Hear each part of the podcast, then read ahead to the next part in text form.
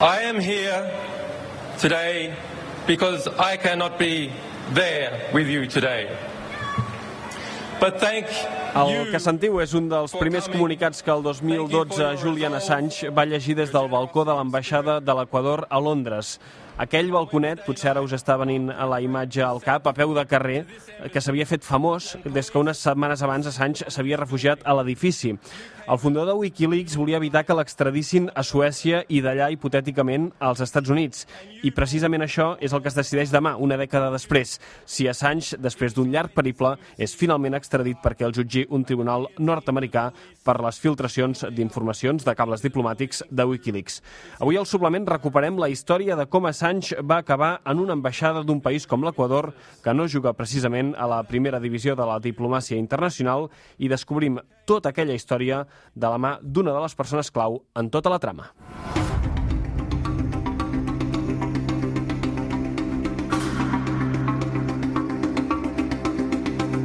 I aquesta persona clau és en Xema Guijarro. Xema, bon dia. Hola, bon dia. Actualment ets el secretari general del grup parlamentari de Podem al Congrés, però, eh, Xema, el 2010 tu no estaves en política, almenys no estaves en política institucional espanyola, sinó que treballaves pel govern de l'Equador. Quina feina feies exactament? Bueno, eh, yo en aquel momento dirigía una unidad de análisis político en la Cancillería del de, Ecuador, en, la, en, el Ministerio de Relaciones Exteriores. Eh, y eh, bueno, pues estuve ahí desde 2010 eh, aproximadamente hasta 2014. Luego ya cambié de cargo y me nombraron subsecretario de Estado en la misma Cancillería. Per tant, eh, durant l'època del president Rafael Correa a l'Equador, eh, Tu abans havies estat analista de Telefònica. De fet, la, la teva història de com vas ajudar Sánchez a explicar el llibre El analista, porta aquest títol, escrit per Héctor Juanatell, publicat a Libros del Cao.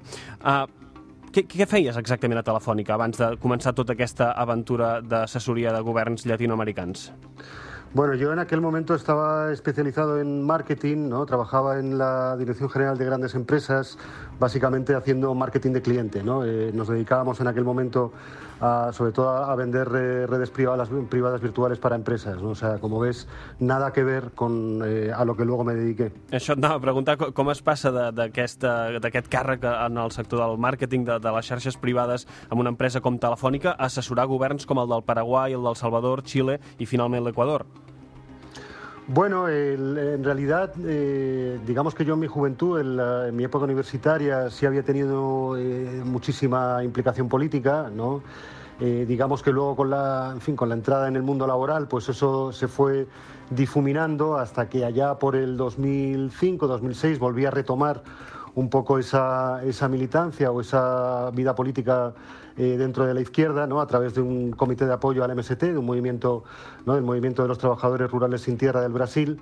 Eh, y eso pues fue para mí una especie de banderín de reenganche eh, para volver un poco a la política. ¿no? De ahí me vinculé a, con el CEPS, con el Centro de Estudios Políticos y Sociales, con sede en Valencia, ¿no? esto que habían llamado pues eso, el think tank de Podemos, y a través de esa fundación pues es que yo acabo eh, asesorando a gobiernos de izquierda en América Latina. De fet, parles de, de la teva tornada a la política, recordem que ara ets diputat de Podem per, per Alacant. Uh, parles del 2005, del 2006. Recordes la primera vegada que vas sentir a parlar de Wikileaks?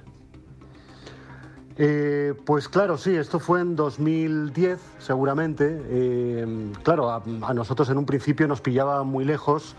Eh, porque digamos que, eh, en fin, yo lo conocí cuando se hizo público, ¿no? Eh, si recuerdas, sobre todo cuando aparece el vídeo de asesinato colateral, donde, bueno, pues se ve, ¿no? Es, como efectivamente dos helicópteros norteamericanos asesinan a un grupo de 10 civiles, incluidos dos periodistas de Reuters, de Reuters, ¿no? Eso fue, digamos, mi primer contacto con Wikileaks, supongo que como la inmensa majoria de, de, en fin, de l'opinió pública mundial. No? Uh -huh. tu, tu en aquell moment, recordem, ens has explicat que treballaves pel govern de l'Equador. Quina relació tenia Wikileaks uh, amb l'Equador a priori?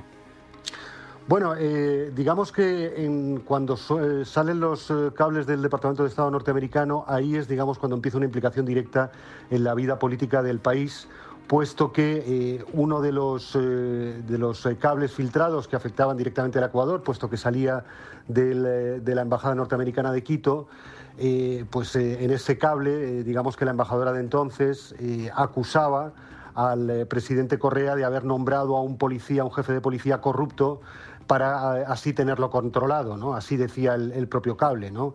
esto, evidentemente, pues provocó una reacción, digamos, fuerte del gobierno ecuatoriano. la, embajada, la embajadora norteamericana fue expulsada. Esto provocó también la expulsión de nuestro embajador en Washington. A raíz de ahí, digamos, pues comienza una, una pequeña crisis diplomática que tiene su origen directo en Wikileaks i en lo que publicó. No? Uh -huh. a, a partir d'aquell moment, si ho tinc ben entès, l'actitud del govern de l'Equador bàsicament era intentar saber tot el que tenia Wikileaks sobre el país per, per anar-ho traient i, per tant, que la premsa a l'Equador no ho pogués fer servir com a arma contra el govern de Correa. Recordem que la premsa de l'Equador bàsicament mm, majoritàriament estava en contra de, de Correa. Et faig una pregunta per profans a la matèria com, com puguem ser jo o la majoria dels nostres oients, però a, a tu en un moment determinat el govern de l'Equador t'encarrega contactar amb Wikileaks. Com s'entra en contacte amb Wikileaks?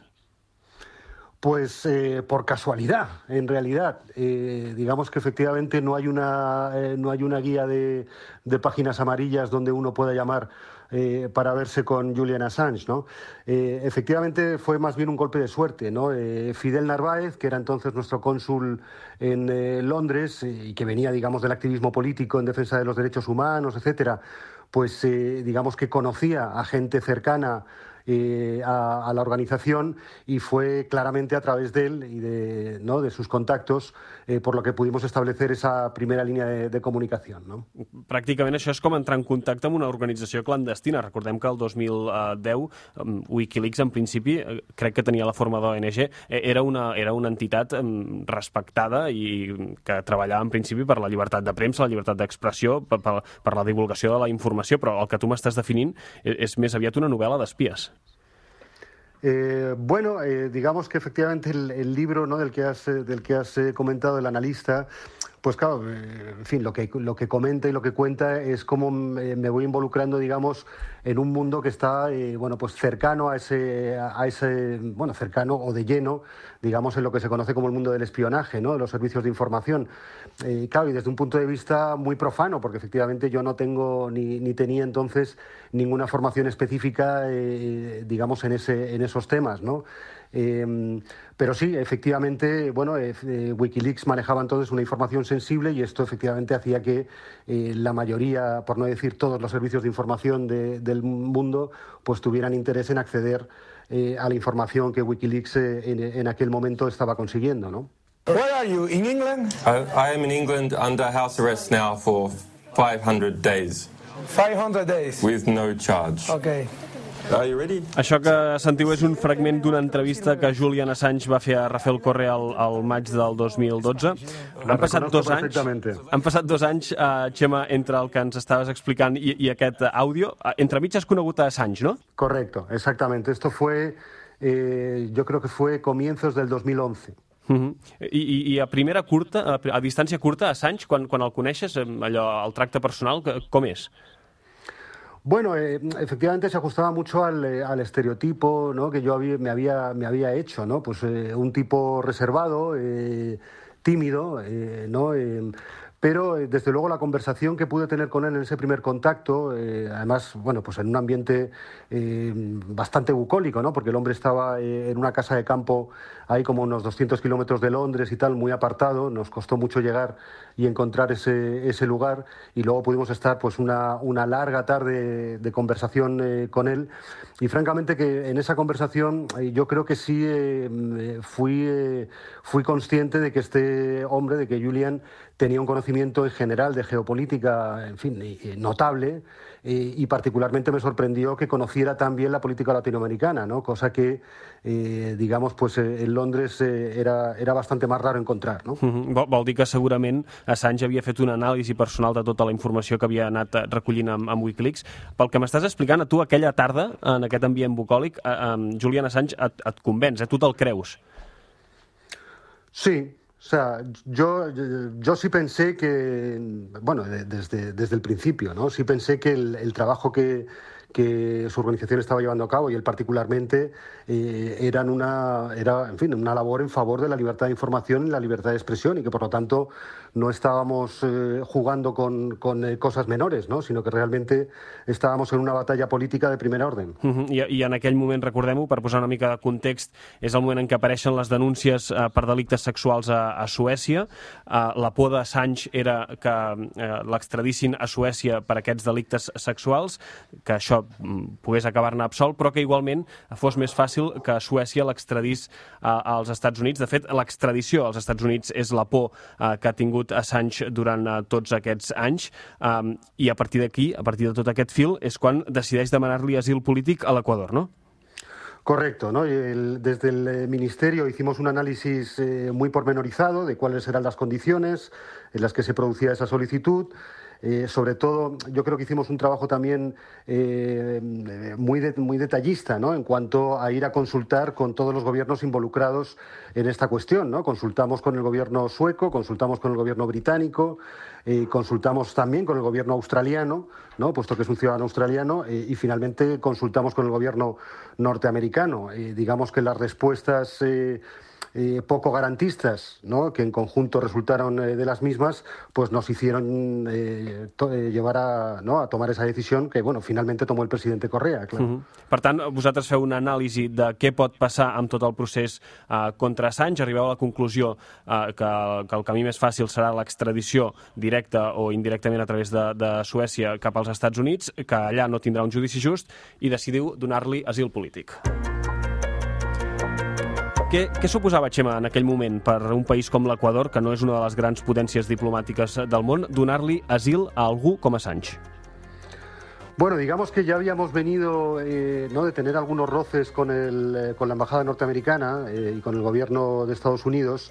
Eh, como, como, te he comentado antes, pues la expulsión de la embajadora eh, tras esos cables publicados en el 2010, eh, pues como te puedes imaginar, no, era ya un, un, buen precedente, pero sí que en su momento, en los análisis que hacíamos en, la Cancillería, eh, estaba claro que eh, esto sup supondría un grado de conflicto eh, mayor, ¿no? puesto, puesto que, en fin, el, el, grado de seguimiento al que había estado sometiendo en los Estados Unidos al señor Assange, pues hacía muy evidente que el gobierno norteamericano no se iba a parar sin más por el hecho de que un país le diera legítimamente, le concediera legítimamente asilo eh, en su embajada. ¿no? Por lo tanto, siempre supimos desde el comienzo que íbamos a entrar en un impasse eh, en términos de derecho internacional, puesto que eh, Ecuador y los países latinoamericanos sí tienen reglado dentro del derecho internacional lo que es la concesión de, de asilo diplomático.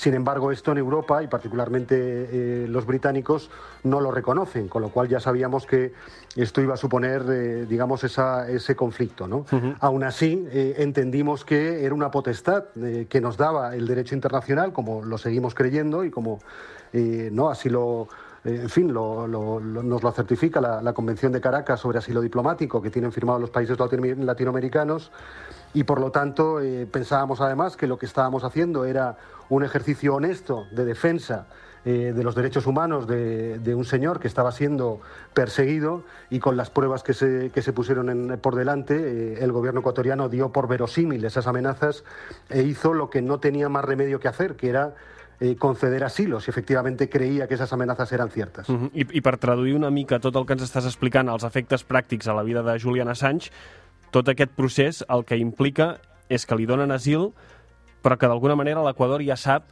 que el que passarà és que també li haurà de donar un refugi físic perquè el Regne Unit de cap manera permetrà que Assange eh, abandoni el país i així és com acaba eh, Julian Assange en aquell pis, amb aquell balconet, en aquella cantonada, no? Claro, eh, así es. O sea, nosotros sabíamos desde el principio eh, que la posibilidad de que nos concedieran el salvoconducto que estuvimos pidiendo insistentemente al gobierno británico eh, era, iba a ser menor y que solo la presión internacional y la resistencia ¿no? frente a la cabezonería del gobierno británico pues nos, nos, lograría sacar de ese impasse. ¿no? Por desgracia, en esa guerra de desgaste en la que se convirtió finalmente el asilo de Julian, pues, eh, pues fue el Ecuador el que terminó virando, mejor dicho, su gobierno tras eh, el cambio de presidencia. ¿no? Cuando, como sabes, cuando sale el presidente Correa, el, el nuevo presidente Lenín Moreno, pues eh, no tardó mucho en, en, generar rápidamente un relato eh, que justificara la propia expulsión de, de la embajada. ¿no? Uh -huh. De tal forma que el Ecuador de, ¿no? pasó de ser un, un protector de, de Julian no? pues, eh, a efectos de canvi de govern passó a ser un perseguidor. No? Uh -huh. De seguida anirem en aquest apartat eh, perquè realment és el que ens porta al que serà notícia demà, aquesta decisió sobre si Assange és extradit o no als Estats Units. Uh, però abans, amb la vida concreta de, de Julian Assange en aquell pis, uh, allò va ser molt complicat. De, de fet, es van acabar filtrant imatges de, de com era el dia a dia d'Assange uh, en aquelles habitacions. Um, literalment s'hi va tornar boig. Us vau plantejar en algun moment uh, mitjans alternatius per treure'l d'allà i, i poder-lo traslladar, per exemple, a l'Equador? No, no sé, es va arribar a parlar de la possibilitat de posar-lo en un maleter d'un cotxe i portar-lo en un aeroport privat. No sé si això van ser opcions reals. No, en realidad, eh, en fin, por lo menos mientras yo estuve eh, ¿no? en, en, con eh, cargos de responsabilidad ¿no? en la gestión de este tema, nunca nos llegamos a plantear eh, esa, esa, posibilidad. Digamos que eh, para nosotros esto también era una batalla política. yo creo que el presidente Correa en esto siempre fue muy enfático.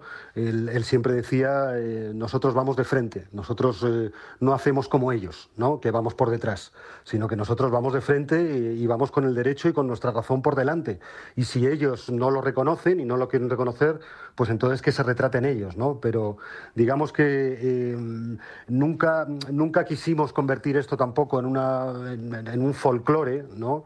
Eh, sino que para nosotros eh, y nosotras siempre fue claro que esto también era una batalla política y como tal la teníamos que ganar también en los medios, no? Mm, per tant, no, no era només la causa d'Assange, sinó que el que estàveu protegint era la causa de, de Wikileaks, però, però òbviament tot això tenia un efecte en una persona concreta. De fet, va estar-s'hi set anys, no?, tancat en el pis, Assange? Así es, desde bueno, desde 2012 hasta sí, hasta 2017, creo no, creo que fueron siete años en total, ¿no? Si no, no tengo las fechas claras, no sé, no sé exactamente cuándo sale. A l'abril del 2019, tinc. L'abril del 2019 és quan, pues quan sí. li retiren a l'asil. De fet, em, em parlaves de, de com el govern de Correa volia anar de cara, volia fer uh, tota l'actuació ben feta a, a nivell legal i, a nivell internacional. Uh, no es pot dir el mateix, suposo, amb el govern de Lenin Moreno, que recordem que quan era vicepresident ja havia dit que a Assange no li caia bé, que és qui li retira l'asil polític i que permet el que no deixa de ser la violació de la sobirania d'un país, no? perquè permet que la, que la policia britànica entri a l'ambaixada o en una delegació diplomàtica de l'Equador a detenir una persona eh, que, que, en principi, jurídicament està en territori equatorià en aquell moment. Claro, bueno, yo diría que fue incluso hasta más grave, ¿no? Porque no es que entrega esa soberanía eh, de una manera vergonzante eh, a los británicos. Eh, eh quiero recordar que eh, funcionarios eh, norteamericanos entrevistaron a personal diplomático ecuatoriano por instrucción del gobierno ecuatoriano, entraron en la embajada, en fin, tomaron lo que les dio la gana. y esto no eran británicos, eran norteamericanos construyendo una causa específica contra el señor Assange. O sea, que si ya teníamos, si alguien tenía dudas antes de que había una persecución por parte de Estados Unidos contra eh, Julian, eh, yo creo que ya con la expulsión esto quedó, en fin, eh, descarnadamente eh, expuesto. No? Uh -huh. Amb el que em dius, suposo que deus tindre una opinió més aviat pessimista del que pot passar demà. Recordem que demà la justícia britànica dictarà si extradita Assange als Estats Units o no. Al suplement eh, hem pogut parlar aquests últims dies sobre aquesta extradició eh, de Julian Assange amb el seu pare, amb John Shipton. Això és el que ens ha dit un bri d'esperança. Abans creiem que el procés acabaria amb la decisió que en Julian fos extradit, però les últimes setmanes ha aparegut com a possibilitat real que el jutge dictamini contra l'extradició. Un recorregut judicial llarg. Si el jutge dictamina que en Julian ha de ser extradit, portarem el tema fins a la Cort Suprema del Regne Unit i després, si cal, fins a la Cort Europea de Drets Humans, perquè el Regne Unit encara hi està sotmès tot i el Brexit. Un pres sense defensa. Ningú no el pot visitar. A mi no em deixen anar-hi perquè diuen que sóc massa gran. Tot el que li permeten és una trucada setmanal de 10 minuts amb l'excusa del Covid. Va estar 5 mesos sense ni una sola visita Després en van permetre tres en poques setmanes i ara torna a estar totalment incomunicat, sense cap visita. La Cort ha fet tot el que ha pogut per impedir que en Julian es pugui comunicar amb la seva defensa. És un abús total. No apliquen la llei. És una persecució política. Una salut deteriorada. En Julian no és un tros de fusta o d'acer, o sigui que els 10 anys han tingut un profund impacte en la seva salut física i també mental. Té dues malalties cròniques, una al pulmó i l'altra a les espatlles. L'estrès constant que fa tant temps que pateix li ha provocat dificultats molt severes. Els experts de Nacions Unides parlen de tortura física i psicològica. Si el Regne Unit senzillament apliqués les seves pròpies lleis, en Julian ara mateix seria lliure. Un pres polític. In the Middle East, a l'Orient Mitjà, 5 milions de persones han mort els últims 20 anys. Molts milions més han quedat mutilats o s'han convertit en refugiats que busquen asil lluny dels seus països. Amb 5 milions de persones mortes i amb els seus familiars plorant-los i reclamant justícia. Així doncs, el cas d'Assange pren sentit. La lluita per la llibertat del Julian dona un petit confort a tots aquells que busquen justícia. La llibertat d'expressió i de premsa en joc. Wikileaks es va registrar inicialment a França. Recordeu que diaris com Der Spiegel, Le Monde, El País, The Guardian, amb l'excepció del New York Times, són publicacions europees. És a la premsa europea qui s'intimida i suprimeix. Això fa que els europeus perdin accés a informacions vitals per prendre decisions sobre els seus governs. Ens han deixat a tots en la foscor, especialment pel que fa a temes que venen de Washington. S'ha deixat de publicar i d'investigar. Des de les revelacions de Snowden han aconseguit que no sortís res més, i això és dramàtic per a milions d'europeus i ciutadans del Regne Unit.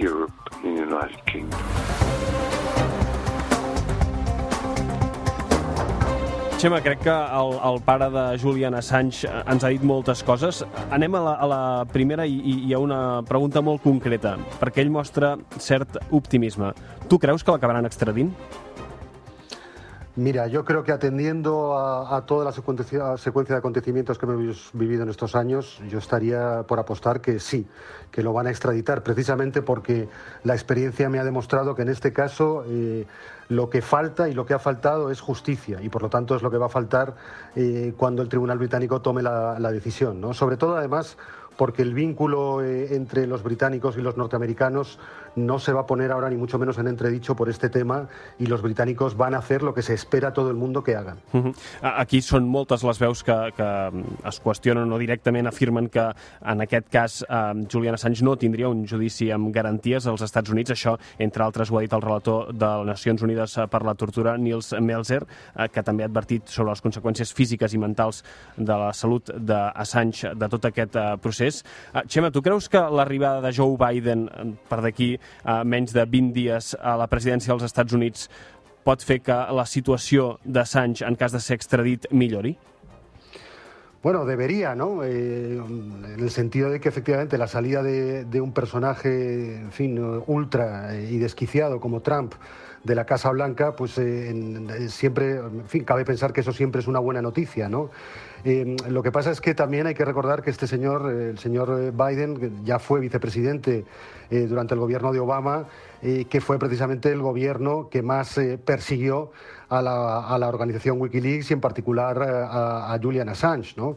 Por lo tanto, no creo que, que, Biden vaya a ser el, el libertador de Julian, sino que creo que va a ser la cabeza de un aparato que va a presionar y que va a intimidar y que finalmente va a juzgar ilegalmente a, a, al señor Assange. ¿no? Uh -huh. El que passa és que aquí Recordem que la font inicial de totes aquestes informacions que anava filtrant Wikileaks era Chelsea Manning, i, i Chelsea Manning va rebre l'indult uh, just en els últims dies de la, de la presidència d'Obama. No sé, potser una manera de tancar el cercle de, de, de tot aquest procés seria que Obama hagués donat l'indult a Manning i que Biden eh, recuperés quatre anys després eh, el poder. Recordem que en aquell moment, com deies, era, era vicepresident i ho fes doncs, eh, una mica eh, apartant una mica els Estats Units de, del camí d'Assange després de tot el que hem vist aquests últims anys, no? Sí, pero eh, piensa que en realidad eh, la, eh, el, hecho de que se indultara al soldado Manning forma parte también de ese relato que se construyó desde ese gobierno, desde el gobierno de Obama, precisamente para demonizar a Julian. ¿Cuál fue ese relato? Básicamente lo que explicaron ¿no? desde los Estados Unidos era que una persona, digamos, con, con problemas psicológicos, ¿no? pues había sido tentado eh, digamos, por un, eh, un, alma perversa como Julian Assange, que sería la persona que le habría convencido eh, ¿no? para que liberara toda esa información, ¿no? Casi, casi como si uh -huh. eh, Chelsea fuera una especie de tonto víctima, ¿no? Eh, y Julian, pues un, un, malvado diablo, ¿no? Entonces, como te digo, la, eh, la, el indulto de, de, Chelsea en ese contexto se explica, pero precisamente ese relato, como te digo, ¿no? si bien pone a un, a un ¿no? dibuja a un pobre a, a, un pobre personaje, ¿no? Completamente falso, ¿no? Porque yo, yo, quiero pensar que Manning sabía perfectamente lo que hacía y era muy consciente, ¿no? De, de lo que estaba haciendo, por eso lo hizo, ¿no? Precisamente porque tenía eh, mucha más decencia que seguramente muchos eh, de sus compañeros y compañeras, ¿no? Uh -huh. eh, pero a lo que me refiero, ¿no? Es que dentro de ese relato que se construye, pues el perverso es Julian, el malo, no? I, i com te digo, pues, eh, ahora és quan se lo van a cobrar. No? Mm -hmm. Doncs uh, veurem uh, què passa demà uh, a partir de, doncs, suposo que a partir del matí ja podrem estar pendents de la decisió de la justícia britànica sobre aquesta extradició de Julian Assange als Estats Units. Xema Guijarro, ens quedem sense temps, molt interessant tot el que, tot el que ens expliques d'aquesta etapa teva uh, com a assessor del govern uh, de l'Equador. Uh, la teva història després també se'n va cap a Edward Snowden, crec que també el vas uh, ajudar una mica a fugir. Això, si de cas, deixarem que els oients ho descobreixin en aquest uh, llibre que comentàvem abans i l'analista uh, que explica tota la teva història de Libros del Cau, escrit per Héctor uh, Juanatell. Moltes gràcies, moltes, moltes gràcies per avui haver-nos acostat aquesta història de Julian Assange, aquests uh, 10 anys uh, que fa des de les revelacions de Wikileaks fins que demà, uh, en un moment que realment serà històric, sabrem en primera instància si el Regne Unit decideix enviar Assange cap als Estats Units. Xema, moltes gràcies. Moltes gràcies a vosaltres i una abraçada.